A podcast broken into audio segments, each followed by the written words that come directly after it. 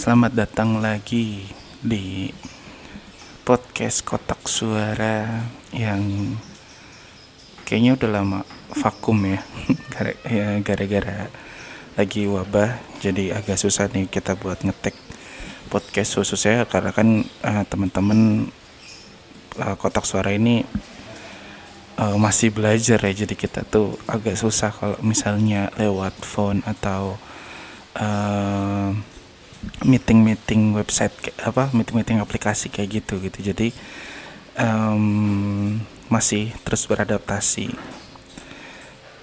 Walaupun kita juga nggak ada yang tahu nih emang ada yang nungguin kita ya.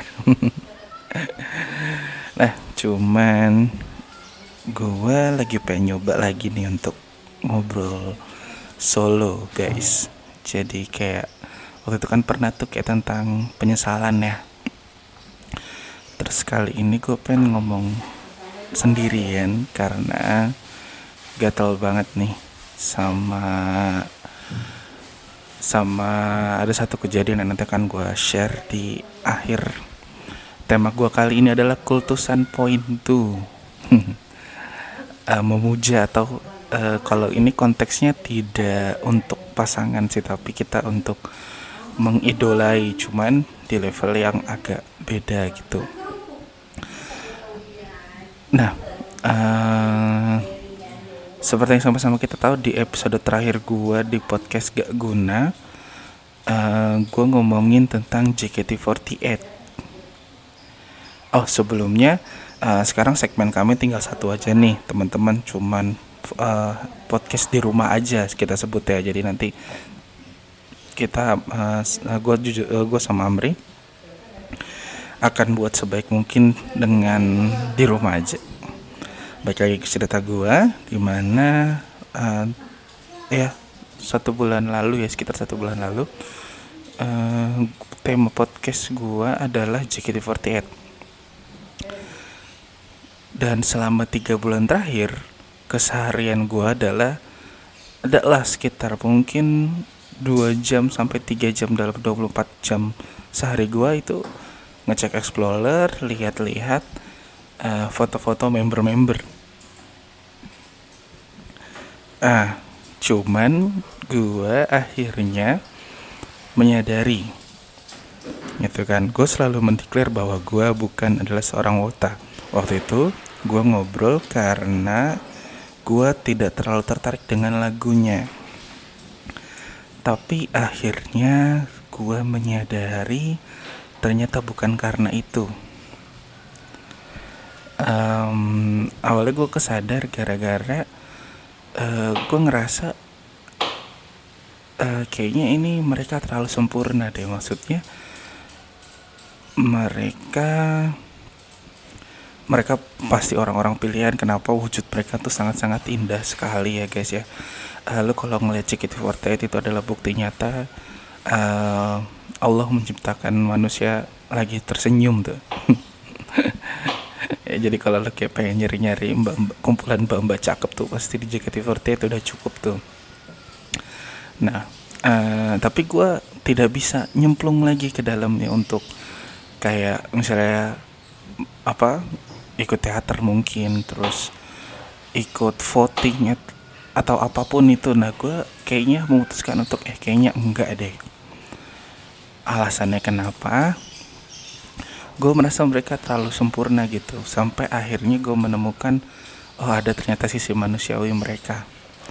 Uh, pembahasan ini adalah tentang golden rules JKT48 di mana uh, yang katanya nih ya itu hanya rumor dan maksudnya tidak ada perjanjian tertulis karena nggak ada yang tahu nih semua orang. Gue cuma katanya ya jadi source-nya pun juga eh, nggak uh, valid nih ada yang bilang ada ada yang bilang nggak ada uh, ada yang bilang ini serapan dari EKB-nya tapi di JKT juga nggak tahu terus pelaksanaannya juga nggak standarized gitu kan karena ada aja yang akhirnya timbul skandal.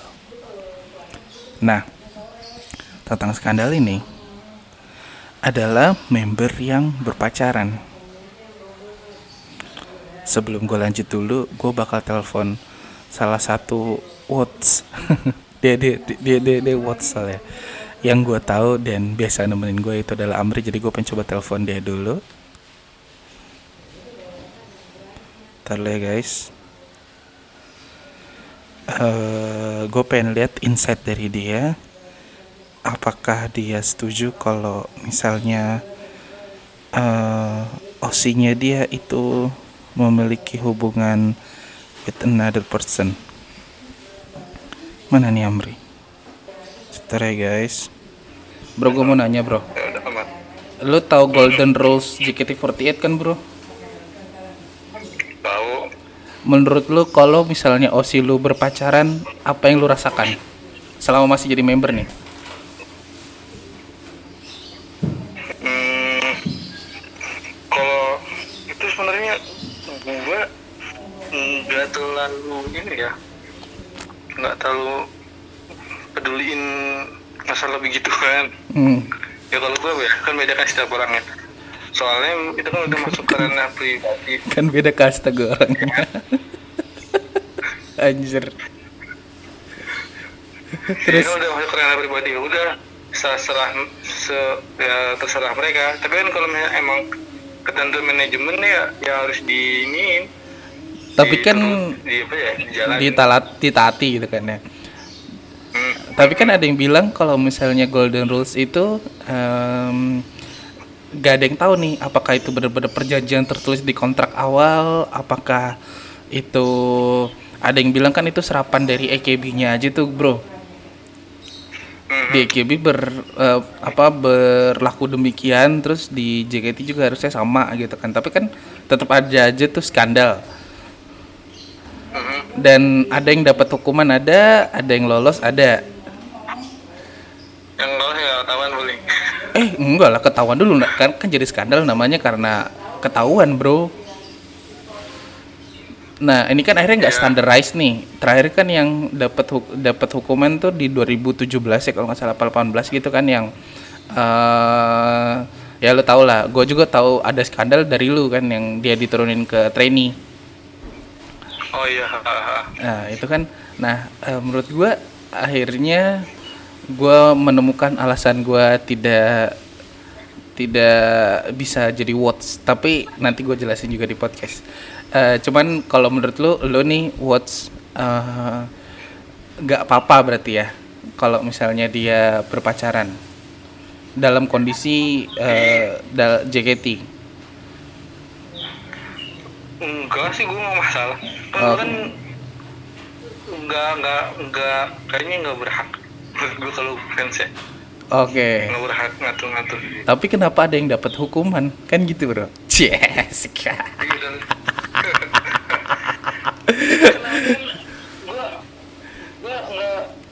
menurut gue sih ada perjanjian ya namanya kan ada golden ada aturan-aturan kayak gitu kan mm -hmm. pasti kan ada di kon di kontrak nah nah ini kan ini kan ini kan masih liar bro. ini kan lu lu gak bisa ngomong pasti juga bro. Masih liar bro.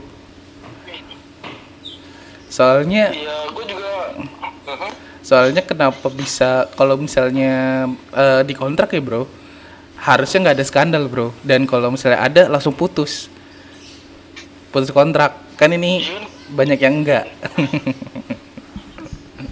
ya kalau gue sih nggak tahu maksudnya di dalamnya gimana gue nggak berani berspekulasi gue sih gue sih iya. makin digoreng gara-gara ini aja gara-gara si Eno Bening mm-hmm. anjir gue nemuin video dia dia ngebahas skandal JKT48 terus oh ini akhirnya gue menemukan kenapa akhirnya gue tidak bisa jadi watch oh, oke okay. apa apa yang lu temuin nanti ya gue jelasin pas udah teleponnya oh. berakhir nanti gue lanjut solo dulu lagi dulu bro oke okay, thanks bro insightnya bro Ya, i, thanks. Bye. Assalamualaikum, bro. Oke,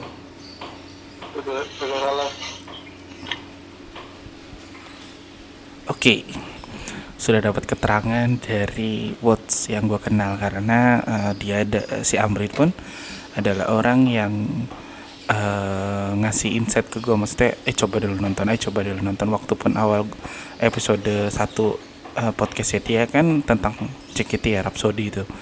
Uh, itu pun gue pun gara-gara dia suka terus kenapa nggak bahas ini dan ini ini bagus banget.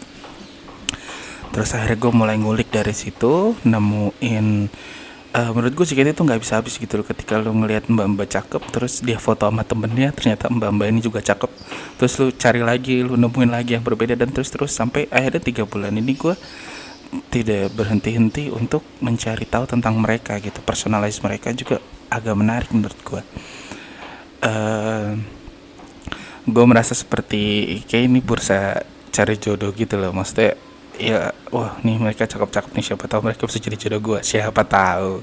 Karena kan konsepnya uh, eh, gue punya keyakinan ya namanya usaha kita nggak ada yang tahu dan jodoh kita juga ada nggak tahu. Kayak kalau misalnya lo tahu tentang Hiroaki Kato uh, ada uh, musisi warga negara Jepang setahu gue karena dia belum jadi WNI itu ngefans banget sama vokalisnya Moka. Dan akhirnya dia menikahinya. Dan apakah itu tidak mungkin untuk uh, gua ataupun para watch watch lainnya? Nggak ada yang tahu. Nah tapi balik lagi. Uh, kenapa akhirnya gua tidak menjadi watch adalah tentang pembahasan skandal ini.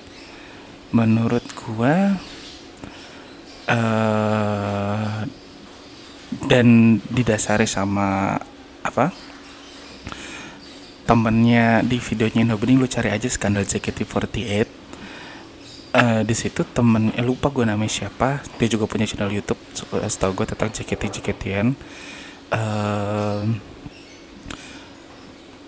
idol ini adalah investasi harapan di mana para watch memilih atau stand seorang idol yang dia ingin dukung dan idol ini berkembang Lalu, Watts berinvestasi banyak hal dari waktu, tenaga, uang untuk idol yang ingin dia dukung.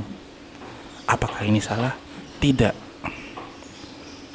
Tapi ini bisa jadi masalah.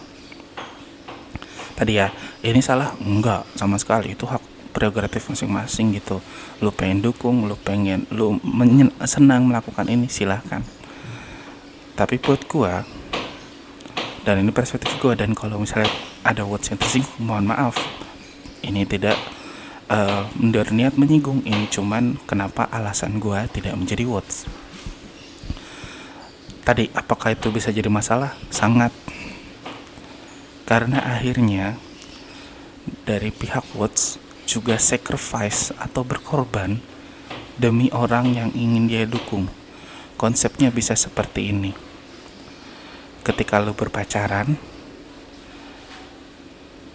ya ketika lu berpacaran dengan seseorang lu mengorbankan segala hal untuk dia dan tiba-tiba misal dia selingkuh. Kata-kata pertama pasti gue udah ngelakuin segalanya gue udah memberikan segalanya kenapa lu selingkuh? Ada sacrifice dan pengorbanan oh, sacrifice pergolanan gimana sih? Maksud gue gini. Ini adalah uh, siklus yang gue tidak ingin nyemplung di dalamnya. Kalau gue investasi itu terus idol gue akhirnya terjebak skandal gue bisa jadi tidak terima dong. Dan kenapa ini jadi skandal? Karena tadi uh, tentang Golden Rules itu kita masih nggak ada yang tahu dan konsepnya ketika kita suka dia kemungkinan harus dia memberikan yang terbaik buat kita gitu kan. Tapi kan nggak gitu mereka juga manusia. Di umur mereka mereka punya segalanya untuk mendapatkan pasangan menurut gua. Anjir mereka gila menurut gua. Cakep-cakep banget coy. Dan uh, karena karena karena mereka dalam lingkup JKT48 itu kan seorang idol mereka dibatasi dan jadi berkorban untuk tidak mempunyai pasangan gitu. Karena menurutku gini di umur mereka tuh ya ya bisa diulang butuh lah. Mereka pasti mencari-cari gitu sosok laki-laki. Karena lingkungan mereka kan perempuan semua ya pasti ada. Dan dan ini fatal gitu. Banyak juga words yang uh, gue nggak ngerti uh, gue nggak tahu ya sebutannya apa words run apa apa itulah yang, yang suka nguntit-nguntit gitu. Bayangkan misalnya uh, seseorang nih dia punya sahabat laki-laki yang tidak ada sama sekali hubungan spesial. Sahabat laki-laki itu curhat sama dia. Terus ada words yang menangkap itu. Misalnya di satu kafe terus sahabat laki-lakinya putus pacar atau misalnya ibunya meninggal terus dia bersedih uh, akhirnya mungkin uh, si member berusaha healing dengan misalnya memegang tangan atau memberikan pelukan misal. Terus buat saya ngelihat ini kan jadi liar kan? Dan dukungan itu juga jadi sebuah hal yang mengerikan gitu karena eh kan gue udah ngedukung lu, lu harus lu nggak boleh dong kayak gitu. Padahal kan mereka juga manusia menurut gua. Ada memang words yang ya udahlah lu lu lu lu, lu kalau pengen pacaran yang penting tolong lah main aman. Ada yang ngomong kayak gitu. Beberapa words uh, yang gue suka ngikutin gitu kan. Itu mereka juga sedewasa itu untuk ngomong gitu. Tapi kan juga banyak yang tidak. Uh, maksudnya apakah ini pacaran ini penting atau enggak? Enggak mm, terlalu sih menurut gue. Cuman um, terbatas aja menurut gua mereka jadi tidak leluasa dalam menjalani hidup. Ya dan ini pengorbanan yang menurut gua menyebalkan gitu. Dari sisi Watts mengor melakukan pengorbanan dari sisi member juga melakukan pengorbanan gitu kan. Mereka mengorbankan masa mudanya seberapa mereka di sana. Mas gue gini ibaratkan kita uh, buat sebuah film dokumenter uh, menuju kesuksesan. Uh, kita mengorbankan pasangan, kita mengorbankan keluarga, kita mengorbankan apa pun untuk kesuksesan. Tapi apakah, apakah itu bisa dikejar dalam satu fandom tersebut? Gue rasa masih agak kecil deh. Dan kayaknya tidak memanusiakan manusia. Dan itu yang buat gue uh, beralasan, eh beralasan, maksudnya itu jadi alasan gue untuk tidak jadi woods gue tidak mau tercemplung nah uh, ini akhirnya ngomongin tentang mengidoli mengidolai atau menyukai sesuatu. Tapi apakah jadi buat salah apakah jadi member salah? Nggak sama sekali itu pilihan mereka. Gue cuma mengutarakan apa yang gue pikirkan gitu dan tidak ingin bermaksud menyinggung. Jika uh, ada yang tersinggung mohon maaf gitu. Uh, dan tidak ada bermaksud sama sekali. Dan dan kenapa gue pengen bahas ini? Karena akhirnya gue juga menemukan sesuatu investasi hati dan ketika um, dia pergi itu sangat berasa. Tapi gue tidak melakukan pengorbanan apa pun.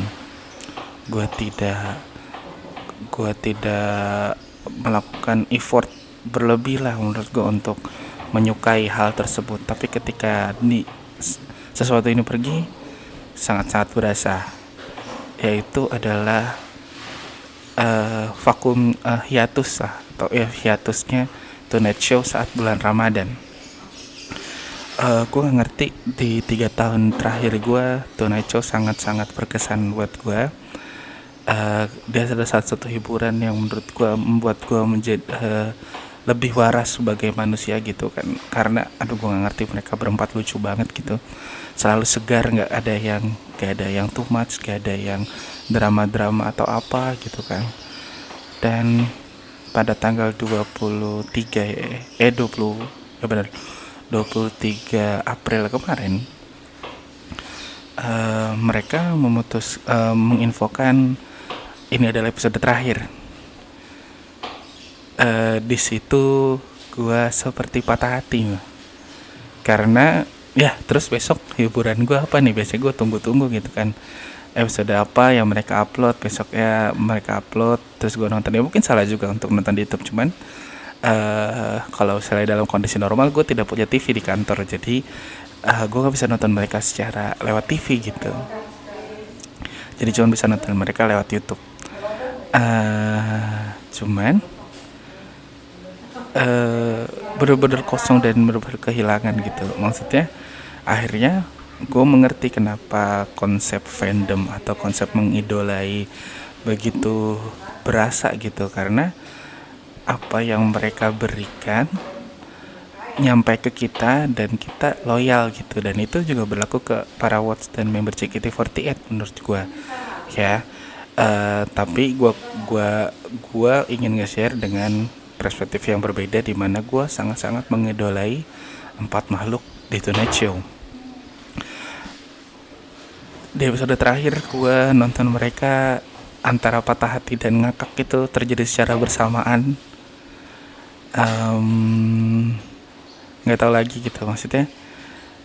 Mereka mereka bisa gitu uh, menyentuh menyentuh banyak orang menyentuh menyentuh gue khususnya terus uh, bisa ya apa ya?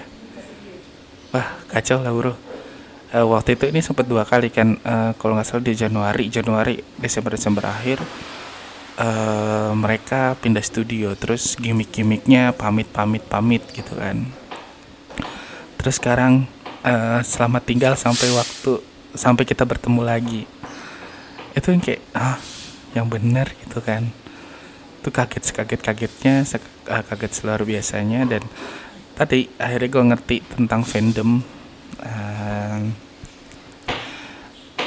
kenapa mereka bisa segitunya kenapa ada ada ada skema skandal yang bisa terjadi gitu.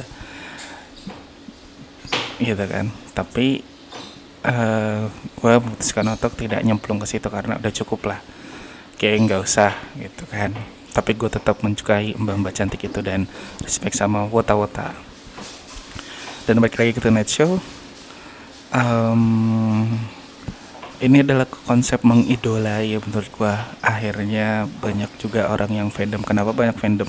Di luar dari tadi mungkin gua bahas JKT terus di luar sana juga ada mungkin fandom Korea yang kalau misalnya uh, idolanya pacaran sama ini diem-diem apa segala terus skandal apa segala gitu kan.